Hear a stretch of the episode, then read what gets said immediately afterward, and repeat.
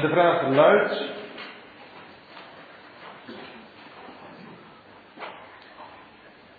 Wat is belijdenis van zonden precies? Ik kan mijn zonden wel vertellen, bedenken of nazeggen, maar dan meen ik ze niet of ik vind die zonde niet zo erg. Iedereen kan zijn zonde God vertellen, maar je moet toch geloven en verlangen naar zijn vrede. Ik verlang niet zozeer zijn vrede, gemeenschap, maar om een beter mens te worden. Dat is toch geen goede grondslag?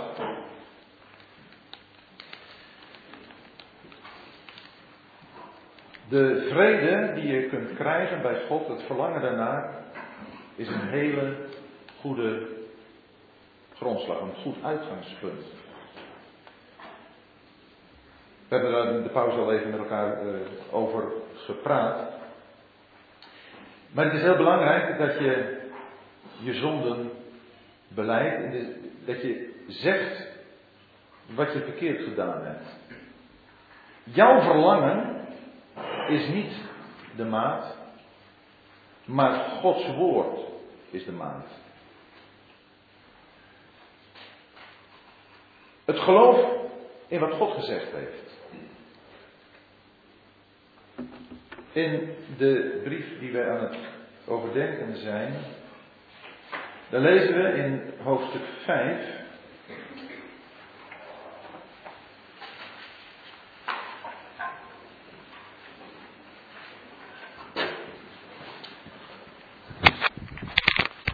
In hoofdstuk 5, vers 9. Als we het getuigenis van de mensen aannemen, het getuigenis van God is groter. Van dit is het getuigenis van God dat hij getuigd heeft over zijn zoon. Wie in de zoon van God gelooft, heeft het getuigenis in zichzelf. Wie God niet gelooft, heeft hem tot een leugenaar gemaakt, omdat hij niet heeft geloofd in het getuigenis dat God heeft getuigd over zijn zoon. En dit is het getuigenis dat God ons eeuwig leven heeft gegeven. En het leven is in zijn zoon. Wie de zoon heeft, heeft het leven. Wie de zoon van God niet heeft, heeft het leven niet. Het gaat er niet zozeer om wat ik voel, wat ik ervaar, maar wat ik geloof, waar ik op vertrouw. Want dat is wat geloven is. Geloven is vertrouwen. Wij geloven elkaar als mensen in dat wat wij tegen elkaar zeggen. En normaal gesproken, we gaan niet uit van elkaars verkeerde bedoelingen. En als God iets zegt, dan krijgen we ineens twijfels. Dan is het net alsof het toch afhankelijk wordt van hoe ik het voel. Van de diepte van de zonde-erkenning. Maar beleidenis is zeggen en zien zoals God het zegt en ziet. Ik zou nog even moeten nakijken, maar pas las ik uh, over wat beleiden is. Beleiden is hetzelfde zeggen. En dat betekent, als het gaat om zonde beleiden, is het hetzelfde zeggen wat God zegt over de zonde. Dat je dus naast God gaat staan. En natuurlijk, wie van ons zal zeggen dat we precies zo over de zonde denken als God in de zin van dat we beseffen wat zonde is. Ja, maar ik moet er toch naar verlangen. Ik, ik heb misschien niet eens zo het, het, verlangen. Het gaat niet om je gevoel, het gaat om wat God zegt. Om het vertrouwen daarin. Ja, voel ik de diepte er wel van aan. Het gaat er niet om of je de diepte aanvoelt, maar of je zegt zoals God het zegt. Ja, maar ben ik wel eerlijk in de zondebeleidnis? Ja, maar als je je zonde beleidt, dan is het toch omdat je ziet dat je gezondigd hebt. Voorbeeldje werd ook aangehaald van, nou ja, als, als nou even de kinderen iets, iets verkeerds doet. En, en die komt en zegt van, ja, ik, ik sorry, ik heb er spijt van. Maar je merkt dat het eigenlijk niet, niet echt is, of dat het niet helemaal zo, zo doorleefd wordt.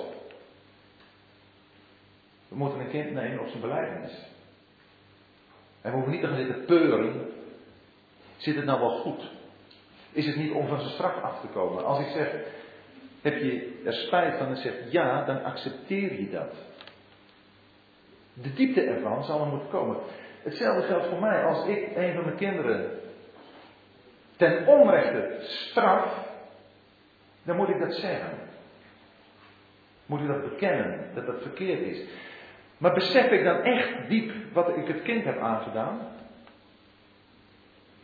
Dat is echt niet in alle gevallen zo. Kan voor een kind veel pijnlijker zijn dat wat ik gedaan heb dan wat ik ervan besef. Ik zie dat ik iets verkeerd gedaan heb. Dat ik het verkeerd of ten onrechte gestraft heb. Maar wat ik het kind er echt mee aangedaan heb. Dat weet het kind uiteindelijk persoonlijk ten diepste alleen zelf. In de diepte daarvan kan ik niet inkomen. Ik kan hooguit zeggen dat het me spijt. En daar gaat het om. Dat je eerlijk bent in dat wat je verkeerd gedaan hebt. Ik heb ook nog gemerkt, ja, maar er zijn die mensen die, staat in de Bijbel, eh, die komen dan bij God en, en zeggen ze, heren, heren, hebben, niet in, hebben wij niet in uw naam uh, demonen uitgedreven en zo? Kun je dan toch niet iets, iets hebben gedaan, iets hebben beleden, waar je later op afgerekend wordt dat het toch niet waar is? En, en dat, dan, kwam een stuk angst. Deze mensen, daarover spreekt Jezus in Matthäus 7, deze mensen hebben nooit enige verbinding met Christus gehad. Zij behoorden niet tot zijn schapen. Ze hebben gezegd, heren, heren. Het zijn die mensen die meelopen in het christelijk gezelschap. En die allerlei vrije, vrome uitspraken doen. En misschien zelfs wel daden en wonderen verrichten. En gaan ze later nog zeggen, ja maar luister, moet kijken wat ik allemaal gedaan heb. En de Heer zegt, ik heb u nooit gekend. Ook niet toen jullie zo bezig waren. Ik heb u nooit gekend. Nooit. Er is nooit enige relatie geweest. En van iemand die, hoe, hoe gering ook, maar erkend heeft een zondaar te zijn, die relatie is er. Want God is getrouw. Als wij onze zonden beleiden, dus het gewoon zeggen, de zonden te vergeven. Dit zegt Gods woord. En als het getuigenis van mensen aannemen, het getuigenis van God is groter. En dit getuigenis heeft je getuigd. Niet over de diepte en mate van jouw zondebeleidenis. Maar dat heeft hij getuigd aangaande zijn zoon. Zijn handelen, het elk mens, doet hij alleen op basis van wie zijn zoon is voor hem. En ik denk dat het goed is om, naar aanleiding deze vraag, dit toch nog een keer te onderstrepen. Ook al, al weet je het misschien, maar dat je je realiseert, ik ben niet gered op basis van mijn diepe zondenbesef, maar op basis van het feit dat ik mijn zonden heb beleden, dat ik ze heb erkend. Oprecht, jazeker, oprecht, eerlijk. Maar als dat eerlijke er is, dan mag ik ook weten dat ze zijn vergeven. In de christenheid, daar zijn een heleboel mensen die zich tot christen, tot de christenheid rekenen, maar die totaal geen leven aan God hebben. De bekende, helaas bekende dominee Hendriksen, Klaas, de godlogenaar die nooit te benen dominee kan blijven, de PKN, is zo'n zo'n voorbeeld. Dwaasheid ten top. Maar kan. En de man heeft ook zo zijn eigen ideeën. En die zal God wel ter verantwoording roepen. Maar hij zal verschrompelen als hij voor God komt staan. En zo zal elk mens verschrompelen, verdwijnen. Hoe ben je binnengekomen zonder bruiloftskleed aan? En hij verstomde. En de bruiloftskleed, dat krijg je. Openbaring 9 zegt, het is de bruid gegeven bekleed te zijn. Gegeven. Je krijgt het op basis van erkenning van je zonde. Lucas 15 nog een keer. Haal vlug het beste kleed en trek het hem aan. Haal vlug het beste kleed. En dan klaar. Voor ieder die als de verloren zoon komt. Omdat je bij de varkens hebt gezeten. Omdat je erkent, vader, ik heb gezondigd tegen de hemel en voor u. Ik ben niet meer waard uw zoon te heten. Maak mij als een van uw dagloners. En dan zegt hij, en dan, lees ik. En hij stond op en ging naar zijn vader. En zijn vader zag hem van ver komen. Nou, dat, zo is God. Zo is God. Ja, ik kan hem niet, niet rijker, niet, groter, niet heerlijker voorstellen. Als ik het al zeg, dan denk ik, jongen, wat, wat zeg je allemaal?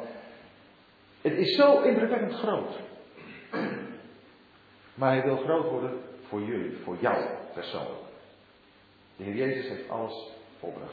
Dus twijfel niet langer. Neem hem aan. Erken, geloof, vertrouw het woord van God. En dank hem ervoor. Dank de Vader dat hij zijn zoon gegeven heeft in jouw plaats. Danken is zoiets moois. De Vader te kunnen danken voor de gaven van zijn zoon. En dan gaat je leven gewoon een leven van dankbaarheid worden. Ja, dat er gezegd, en ja, toch, toch elke dag ga weer onderuit en dan, dan verdwijnt het allemaal weer. Ja, dat kan best gebeuren. Maar elke dag je weer terugkomen. Als die basis er ligt. Dan mag elke dag weer terugkomen. God heeft ons niet gelijk tot een volmaaktheid gevoerd waarin we niet meer struikelen, waarin we niet meer zondigen. Maar hij heeft voor al die aspecten van ons leven zijn woord gegeven. Altijd heeft hij voor ons in zijn woord een oplossing voor een probleem. Maar het gaat erom, wil ik dat geloven, vertrouw ik daarop, zoek ik daarin. Is dat mijn enige steun en toeverlaat. Dus jongelui, voor degenen die hier nog wat twijfelen, weg dan twijfel en vrees. Want Gods woord heeft verklaard. Ja, gaat het daardoor lukken? Nee. Als je, nou goed, dan gaan we nu even kijken naar die jongelingen. Want die jongelingen, die zijn sterk, dus dat zijn overwinnaars. Niet omdat ze zelf zo sterk zijn, maar er staat omdat het woord van God in u blijft. En uh, nadat we in, in, het Zilveren Schort toen uh, aan het eind van het vorige jaar zo'n prachtige jongerenconferentie hebben gehad. Uh, toen hebben een paar meisjes me gemaild om te vragen van hoe kun je nu de beste teksten memoriseren. Ja, en dat is natuurlijk schitterend als jongelui zijn die het woord van God willen leren. Gewoon teksten uit hun hoofd willen leren. En er zijn er meerdere hier die, die dat doen. Sommige hele hoofdstukken uit hun hoofd kennen. Ja, je kunt slechte dingen uit hoofd leren, toch? Het is best om uit je hoofd te leren. Opdat het vanuit je hart ook iets kan gaan doen. En de Heer het ook kan gaan gebruiken naar anderen toe. Maar ook vooral om jezelf te bewaren. En voor de jongelingen staat, jullie zijn sterk, omdat het woord van God in jullie verblijft. Dat woord van God. En vanuit dat woord van God kun je dan overwinningen gaan halen. Hoe werkt dat? Wie, wie heeft daar een voorbeeld van, een, ervaring mee? Van toen zat ik in die situatie, ik voelde die verleiding en toen kreeg ik een woord vanuit mijn hart. En dat kon ik toen gebruiken om die verleiding te weerstaan. Nou, ik hoop gewoon dat jullie het op zich niet zo durven te zeggen. En ik hoop niet dat jullie niet zeggen dat je nooit meegemaakt hebt. Dat je toch vanuit je geloofsleven en, en de strijd die je daarin hebt, overwinningen hebt behaald, omdat je op bepaalde dingen die, die op je afkwamen, verleidingen, met het woord van God die verleiding van je hebt weggeslagen. Want alleen door het woord van God kun je overwinning halen. Je bent alleen sterk door het woord van God. Niet vanwege jouw verbale kwaliteiten, als je die zou hebben. Niet vanwege jouw intelligentie, als je dat zou hebben. Het gaat erom dat je een verleiding alleen door het woord van God kunt afslaan.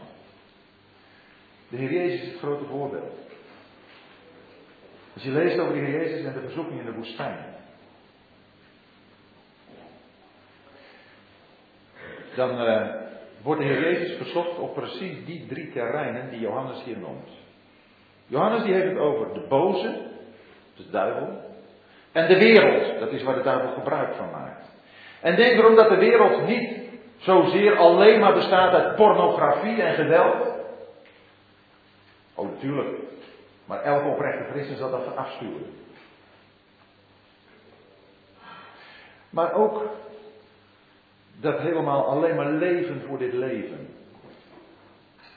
En ook die, eh, die, die listige gedachtegangen. En dan zit je in de wachtkamer bij de dokter of de tandarts en dan ligt daar zo'n blad. Als, uh, wat heb je voor roddelbladen? Maar misschien ook zelfs pornografische bladen. En daar zit je in de wachtkamer en je, je wil er toch eens even inkijken. Je gaat wel wat eens zitten lezen. Want ja, je moet nog een klein beetje de hoogte zijn, nietwaar? Je hebt jezelf een klein beetje eh, te pakken. Maar als een broeder of zuster of iemand die je kende naast je zou zitten, dan zou dat nooit doen. Zou je nooit. Zo zijn wij. En om dan de duivel van je lijf te houden. En uiteraard internet. Iedereen heeft toegang tot internet. Maar ook je mobiele telefoon waar je van alles mee kunt doen. Hoe ga je ermee om? Want de wereld is, hoe ga je met de dingen van dit leven om? Ga je ermee om zoals de wereld dat doet? Of gebruik ik het in de dienst van de Heer? Ik kan namelijk wat ik heb voor mezelf gebruiken en ik kan het voor de Heer gebruiken. En daarom is het belangrijk dat het woord van God jouw denken aanstuurt. En dat wat er op je afkomt aan verleiding, dat je dat met het woord van God van je afwijst. De begeerte van het vlees, de begeerte van de ogen en de hoogmoed van het leven. Dat is wat in de wereld is. Het is me zo voorgesteld, de wereld kan nooit het hart van een mens vullen. Als het, als het hart van een mens zo die, die driehoek is, en de wereld is dat ronde, die bol, en je plaatst die bol in die driehoek, dan heb je altijd die drie punten in die driehoek die onvervuld blijven. De wereld kan het hart van de mens niet vullen. Maar de wereld moet in het hart van een gelovige helemaal geen plaats hebben. Het hart moet helemaal vol zijn van Christus alleen. En daarom moet je je goed realiseren hoe de duivel naar je toe komt. Bij de Heer Jezus kwam hij, wat was de eerste verzoeking die de Heer Jezus kreeg? Althans, de eerste die wij beschreven vinden, want hij is 40 dagen lang verzocht, ja? Maar al die verzoekingen hebben te maken met deze drie aspecten. Wat was de eerste verzoeking die de Heer Jezus kreeg? Hij had honger. En toen werd hem door de duivel gezegd: Maak van deze stenen broden. Had hij dat gekund? Had hij gekund? En waarom doet hij het niet?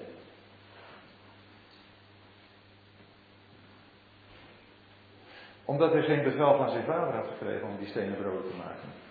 Hij liet zich leiden door het woord van God en hij zei, wat zei wat gaf, wat gaf hij de duivel als antwoord?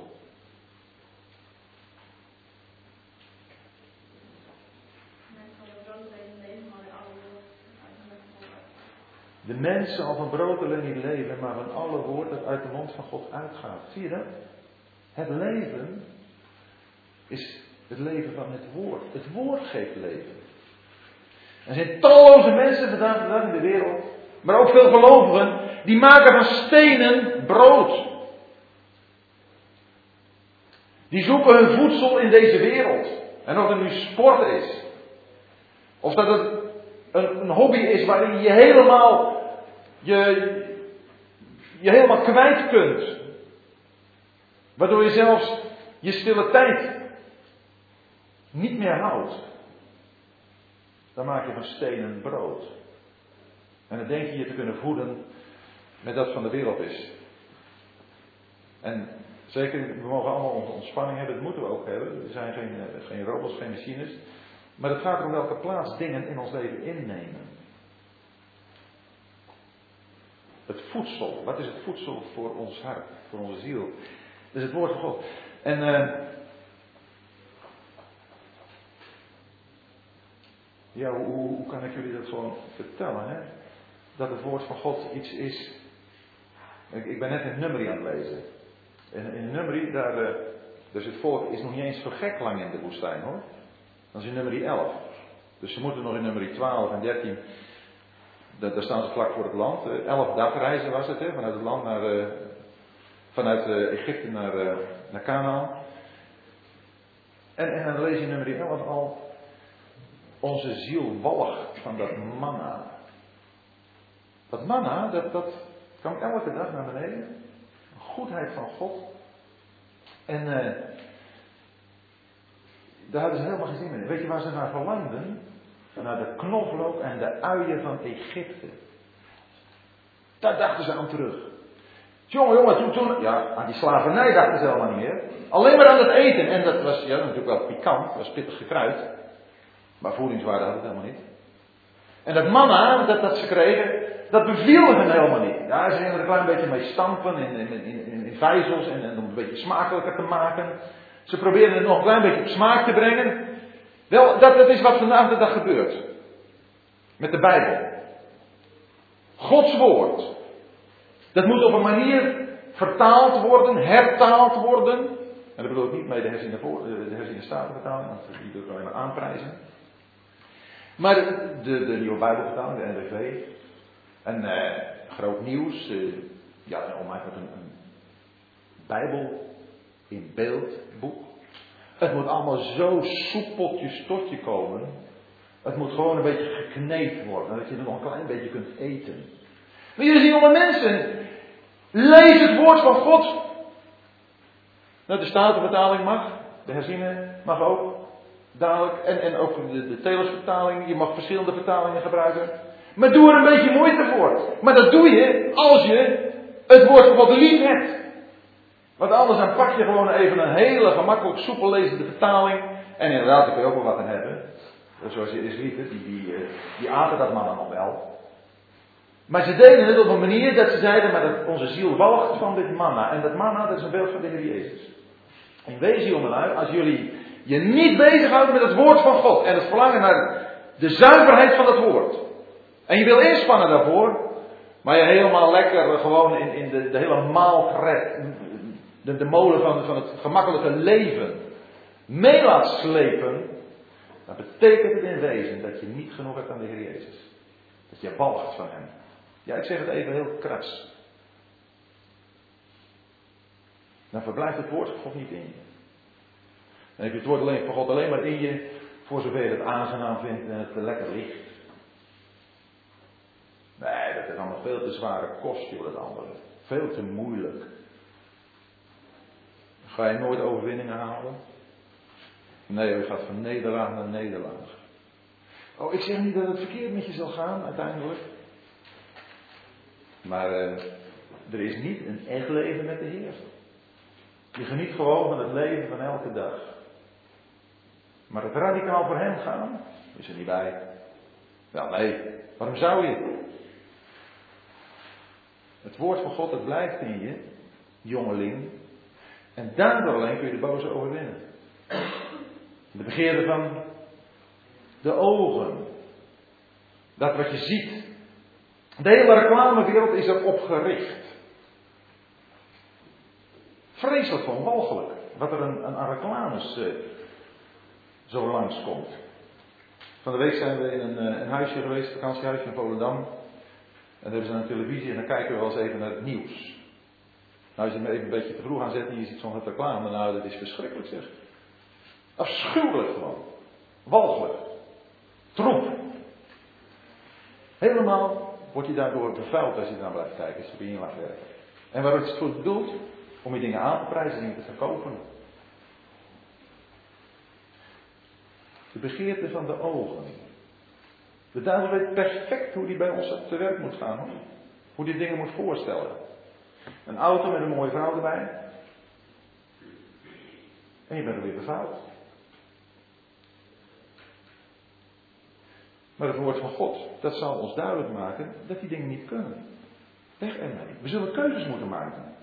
Als wij, als we echt voor de Heer willen leven. En overwinning willen halen. Jongelui, je bent alleen sterk als het woord van God in je blijft. Alleen dan. En dan de hoogmoed van het leven. Jezelf presenteren, iets willen zijn. Zo verstandig. Toen de duivel bij, bij Eva kwam, toen heeft hij op precies dezelfde drie dingen heeft hij zich gericht. Hij heeft Eva haar blik gericht op die boom. Die ene boom waarvan God gezegd had, daar mag je niet van eten. En toen, is ze daarna gaan kijken met de ogen van de duivel. Zie je dat? Zag er mooi uit. Ook om verstandig door te worden. En ze was verkocht. Als wij naar de dingen gaan kijken zoals de duivel ons die voorhoudt, zijn we verkocht. En het woord van God heeft ons niet meer. En daarom is het zo belangrijk, jonge mensen, dat het woord van God in je blijft. En het begint met het lichaam. Vlees, ogen en verstand, geest. Dat is precies de omgekeerde volgorde die God voor de mens heeft. In 1 Thessalonians 5, daar lezen we, waaruit bestaat de mens? Geest, ziel en lichaam.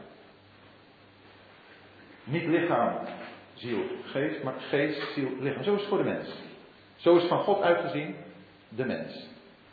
Voor de duivel is het lichaam, ziel, geest. Hij, hij, is, hij kijkt naar het lichaam. En, en wij ook, wij kijken naar het lichaam. De, de bodycultuur, het is iets. Joh, hoe zie je eruit? Hoe kom je over? Daar gaat het om.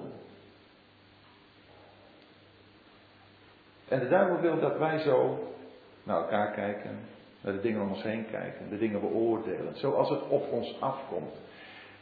Als we maar niet verder kijken, niet erachter kijken, niet naar de motieven vragen. Wij kunnen elkaar zien en een oordeel hebben. Hij zei, ziet er zo uit. Oh, en we oordeel gelijk klaar. Dat is de wereld, dat is puur de wereld. Ga eens praten. Vraag is, waarom? Nou, dan kun je verrassende ontdekkingen doen. Dat is mooi hoor. Als je hoort hoe iemand iets voor de Heer doet. Prachtig mooi om dat te horen. En zo met elkaar omgaan. Belangstelling hebben voor elkaar. Niet alleen het uiterlijk, de façade. Wie de wil van God doet. Daar staat het.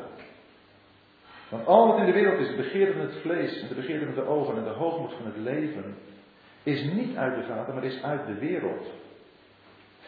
Als iemand de wereld lief heeft, is de liefde van de Vader niet in hem.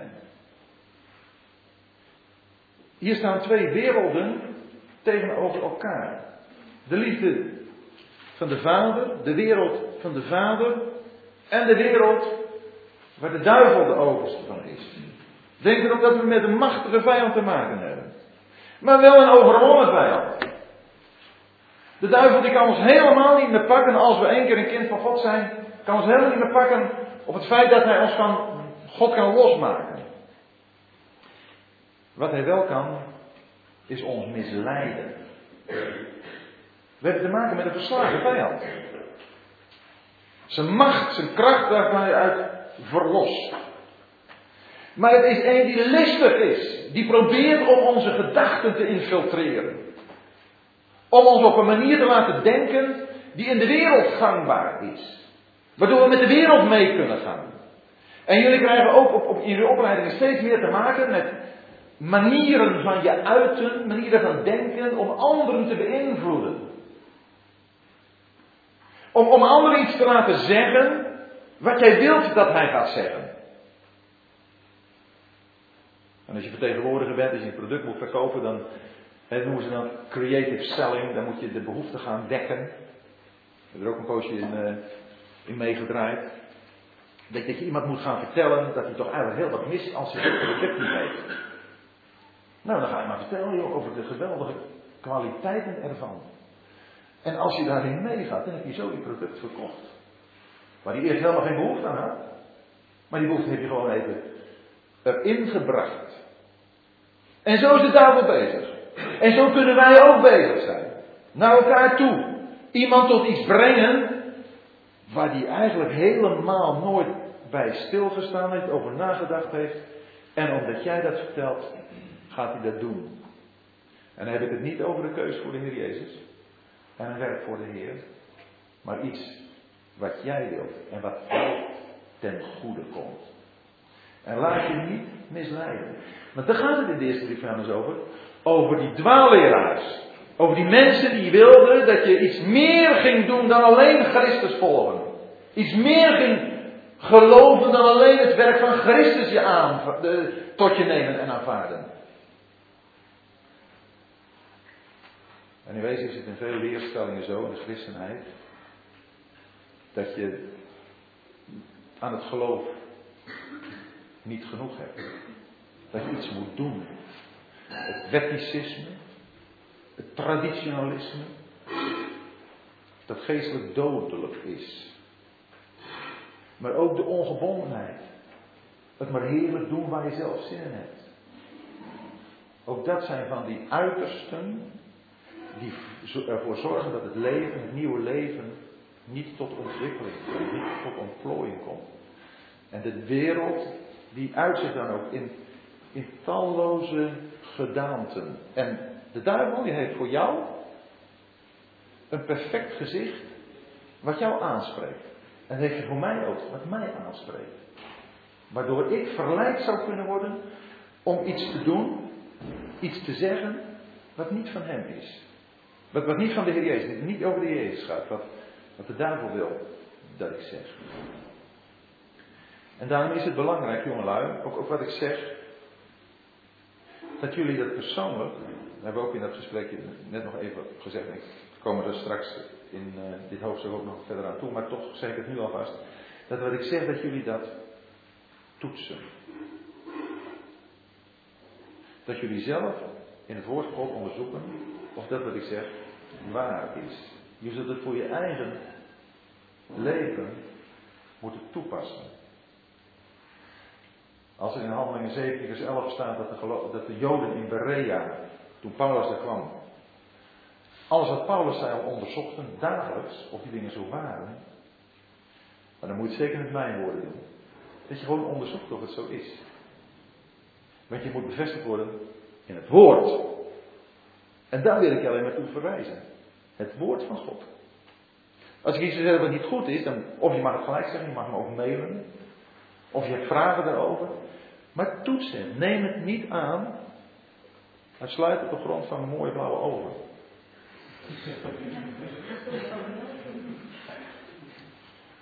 Het gaat erom dat je het woord van God gelooft. Wie de wil van God doet, die blijft op een eeuwigheid. Het gaat erom dat je die keuze maakt. En dat je weet van, ja, als ik voor de wereld kies, in, in welke vorm dan ook, dat gaat voorbij. De wereld gaat voorbij. En nou begeren. Er blijft niks van over, joh. Dit is voor de nuchter denkende jongelui onder ons.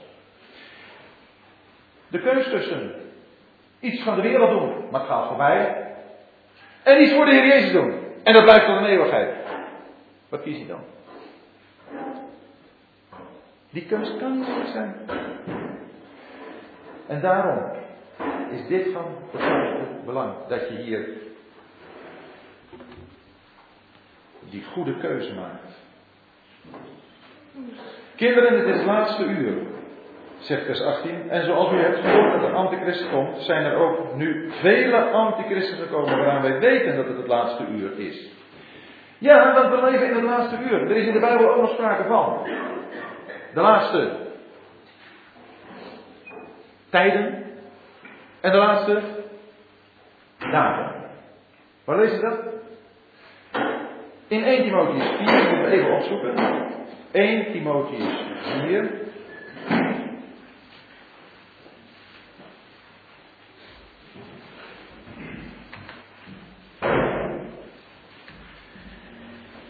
Vers 1. De geest nu zegt uitdrukkelijk dat in de latere tijden sommigen van het geloof zullen afvallen. En we lezen in 2 Timotheus 3.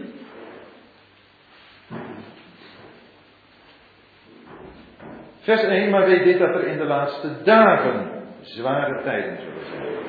Dus we hebben de latere tijden in 1 Timotheus 4. En we hebben in 1 Timo 2 Timotheus 3 laatste dagen. En hier in Johannes hebben we, het is het laatste uur. Dit betekent dat de situatie zich steeds meer toespitst. En ik weet dat met het laatste uur is ook een periode bedoeld. Maar door het zo te zeggen is het toch ook wel heel kenmerkend. Latere tijden, laatste dagen, de laatste uren. En laten jullie alsjeblieft ook daardoor waarschuwen, jonge mensen, dat je niet laat verblinden door de enorme voortschrijding die we in de maatschappij denken te kunnen zien en die men ons wil doen geloven. Want het is niet een voortschrijding naar het goede, het is een voortschrijding naar het slechte. Er is geen evaluatie, maar een devaluatie. Want overal waar God en Christus steeds verder buiten de samenleving worden weggedrongen, komt er een enorme devaluatie van alle waarden en normen waar een mens door God geschapen maar van zou kunnen genieten. En die, uh, die, die, uh, die situatie die krijgt zijn volle beslag als de antichrist. In Israël het voor het zeggen heeft. Want de antichrist is de leider van het afvallige Israël. Die zal door Israël worden gekozen als hun koning. En dat zal gebeuren in dezelfde tijd dat hier in West-Europa de dictator, het beest uit de zee, naar openbaring 13, zal komen bovendrijven en de macht in handen zal krijgen. En die twee, antichrist, een dictator van het West-Romeinse Rijk, herstelde West-Romeinse Rijk, waar we steeds meer duidelijk dus de vormen van uh, te zien krijgen. Die zullen een verbond sluiten waarbij alles wat, zich, wat met God te maken heeft, wordt buitengesloten. De antichrist. Wat betekent antichrist? Twee dingen. Tegen Christus en in de plaats van Christus. We vinden die twee aspecten in 2 Thessalonicus hoofdstuk 2. Gaan we even naar kijken.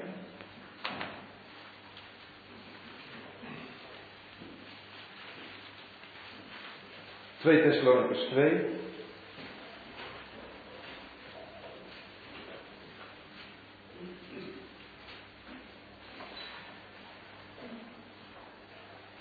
Vers 3. Daar gaat het over de afval. En Paulus zegt er dan tegen de Thessalonicus, die daar een klein beetje onduidelijkheid over hadden, of in verwarring over waren gebracht. 2 Thessalonicus 3, 2 vers 3. Laat niemand u op enige wijze bedriegen, want die komt niet, die afval dus, al, die, uh, die bijeenvergadering, sorry, van de komst van de Heer Jezus. Als niet eerst de afval gekomen is en de mens van de zonde geopenbaard is, de zoon van het verderf die zich verzet en zich verheft tegen al wat God heeft, het anti, in de zin van tegen,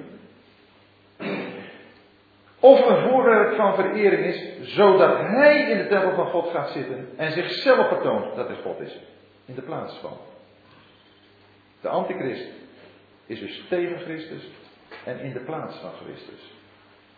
Hier in 2 Thessalonicus 2 vinden we hem in de tempel die nog gebouwd gaat worden en waar nu al plannen voor zijn. Die antichrist.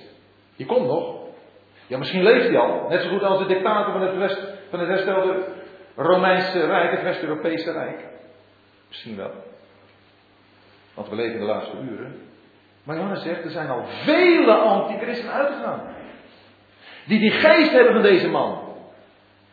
En die antichristen, die vele antichristen, die geesten, die proberen de jonge gelovigen te beïnvloeden op andere gedachten te brengen. En er zijn er veel. Het zijn er niet zomaar een paar. En het is ook daardoor dat we weten dat het het laatste uur is. In de christenheid komen steeds meer van die mensen die beweren dat ze allerlei bijzondere dingen hebben, bijzondere wonderen doen of gezien hebben. Controleerbaar is het niet. Vaak.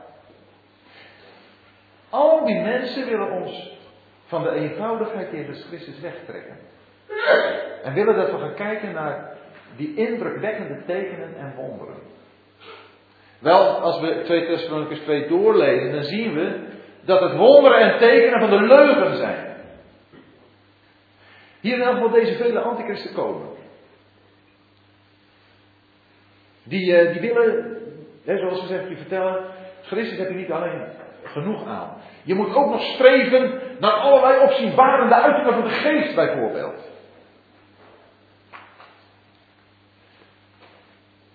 Het zijn de tekenen van het laatste uur. Daaraan weten we dat het de laatste uur is. Deze antichristen zijn van ons uitgegaan, zegt Johannes. Maar ze waren niet van ons. Want als ze van ons geweest waren, zouden ze bij ons gebleven zijn. Maar ze moesten openbaar worden dat ze geen van allen van ons zijn. Mensen die een valse Christus prediken, niet de Christus van de schriften. Paulus die zegt in Galaten 1 dat er mensen zijn die een vals evangelie prediken. We gaan even kijken naar Galaten 1.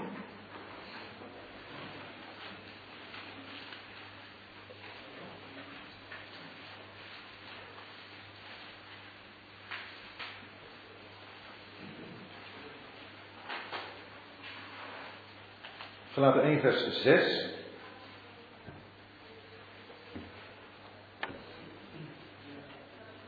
Ik verwonder mij dat u zo snel van hem, die u door de genade van Christus heeft geroepen, overgaat naar een ander evangelie, of een ander soortig evangelie, dat geen ander is. En want er is natuurlijk maar één evangelie. Maar er zijn sommigen die u in verwarring brengen en het evangelie van Christus willen verdraaien. Maar zelfs als wij, of een engel uit de hemel, u een evangelie verkondigen, naast dat wat wij u als evangelie verkondigd hebben, die zijn vervloekt. Zoals wij vroeger hebben gezegd, zo zeg ik nu ook weer.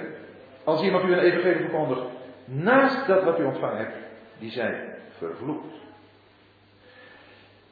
Hier zie je dus dat er een prediking is van een evangelie dat geen ander is. En wat gaat in de brief van de gelaten over? Dan gaat het erover dat de wet moet worden gehouden. Dat er zijn die de wet willen introduceren. En Paulus zegt, die zijn vervloekt. Want er is geen enkele toevoeging aan het evangelie mogelijk. Het evangelie gaat om Christus alleen. Zonder enige inspanning van de mens. En als dat erbij gevoegd wordt. Paulus spreekt erover in hoofdstuk 2 in de brief van de Galaten. Dat zijn valse broeders. Deze mensen zijn binnengeslopen. En die zijn nog steeds aan het binnensluipen. En die willen in jullie gedachten binnensluipen. En deze valse leringen moet je ontmaskeren. En die ontmaskering vindt alleen maar plaats door het woord van God. Alleen daardoor. Daardoor kun je zien dat de Heer Jezus alles heeft gedaan wat nodig is om gered te worden. En er kan geen enkele andere toevoeging zijn die dat compleet zou kunnen maken. Want het is compleet in zichzelf. En deze antichristen hebben dat voornemen. Die vele antichristen, ook vandaag. Dat er tegen ons gezegd wordt dat er naast het woord van God nog andere dingen zijn die wij moeten doen, willen we de volle zaligheid kunnen bereiken. Nee, die uh, mensen die zijn uitgegaan omdat ze ook niet van ons waren. Toen was dat zo. Maar nu, en ik heb al een, uh, een Klaas Hendriksen aangehaald, maar zo zijn het helaas velen in de christenheid. Dit is natuurlijk een, een extreem. Maar velen in de christenheid brengen een onbijbels evangelie. En ze gaan niet weg, want ze hebben zich er genesteld. En ze maken hun slachtoffers. En talloos velen. En we komen er met steeds meer in aanraking. Waardoor de vreugde in het kennen van de Heer en het beleven van het geloof niet aanwezig is. Of telkens opnieuw wordt weggenomen. Omdat het afhankelijk wordt gemaakt van En dan komen de leerlingen van mensen. Daarom is het zo belangrijk te zien wat Johannes hier naar voren brengt.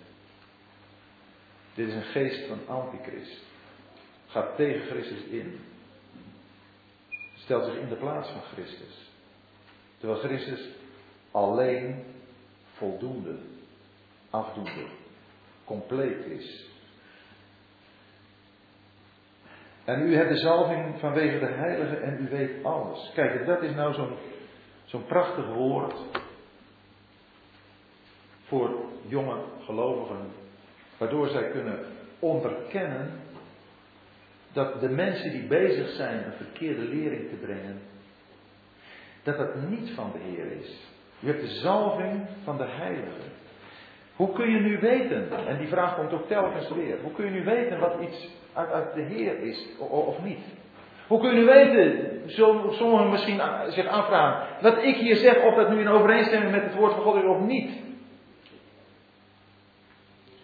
Je hebt de zalving, ieder van ons hier, die de Heer Jezus kent, heeft de zalving van de Heilige. De Heilige is de Heer Jezus. Vanwege de Heilige. En die zalving, dat is de Heilige Geest. De Heilige Geest heb je gekregen toen je tot geloof gekomen bent. En door de Heilige Geest kun jij, kun jij aanvoelen of dat wat ik zeg waar is, of het in overeenstemming met het woord is.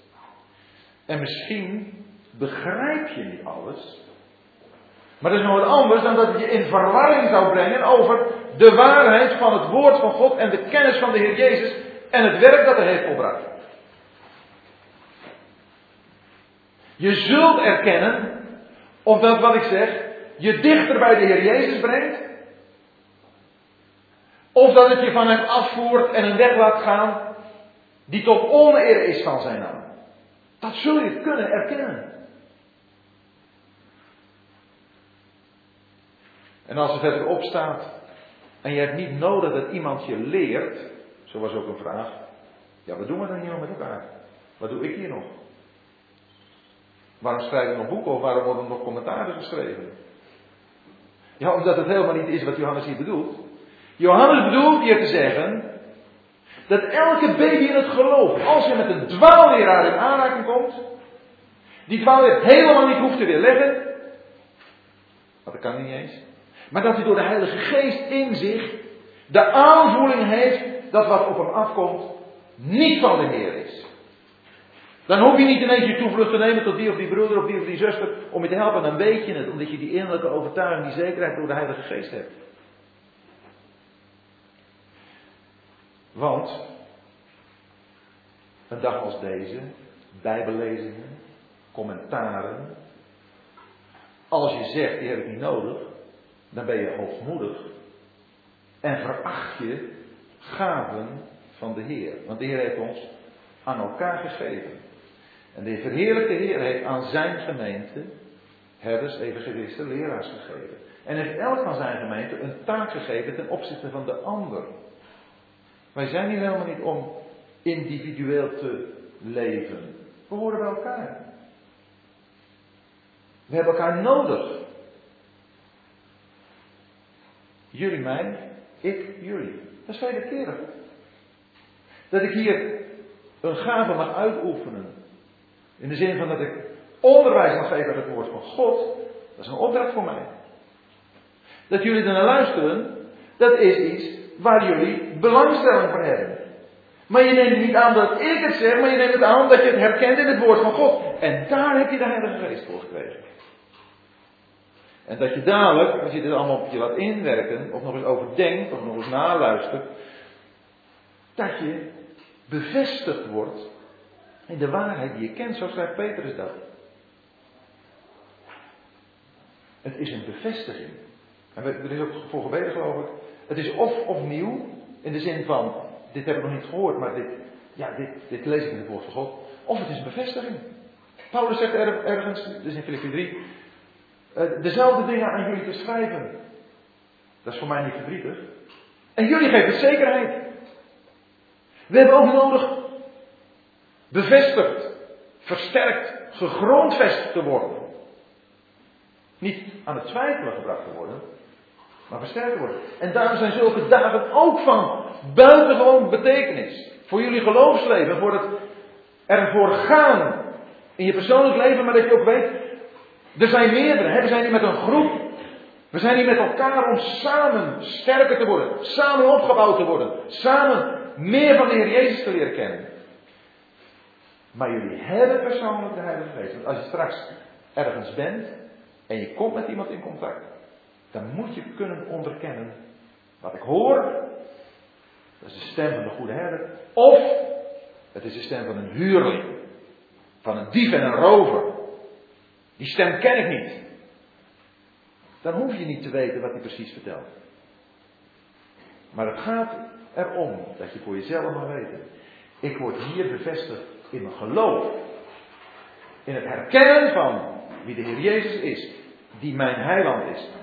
En als jullie hem hebben, als jullie weten dat je de Heer Jezus kent, als Hij je leven is, ja, dan zal het alleen maar een feest zijn, een vreugde zijn. En naar de mate dat je mogelijkheden hebt, zul je die ook willen, willen bijwonen, zulke gelegenheden. Om daarna weer verder in je persoonlijk leven dat uit te dragen. Dat door te geven. Dat zijn geweldige middelen. Ik heb u niet geschreven omdat u de waarheid niet weet, maar omdat u die weet. En omdat geen leugen uit de waarheid is. Kijk, daar gaan we om. De duivel wil proberen te vermengen. Hij wil altijd maar vermengen. Dat is ook de duivel, de diabolos, door elkaar gooien.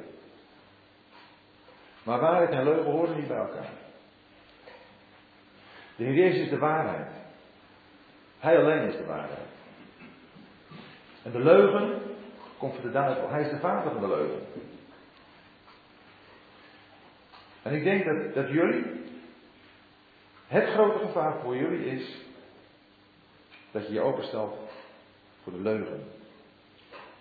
Een leugen die niet bot mee toekomt, maar een leugen die vermengd wordt met waarheid.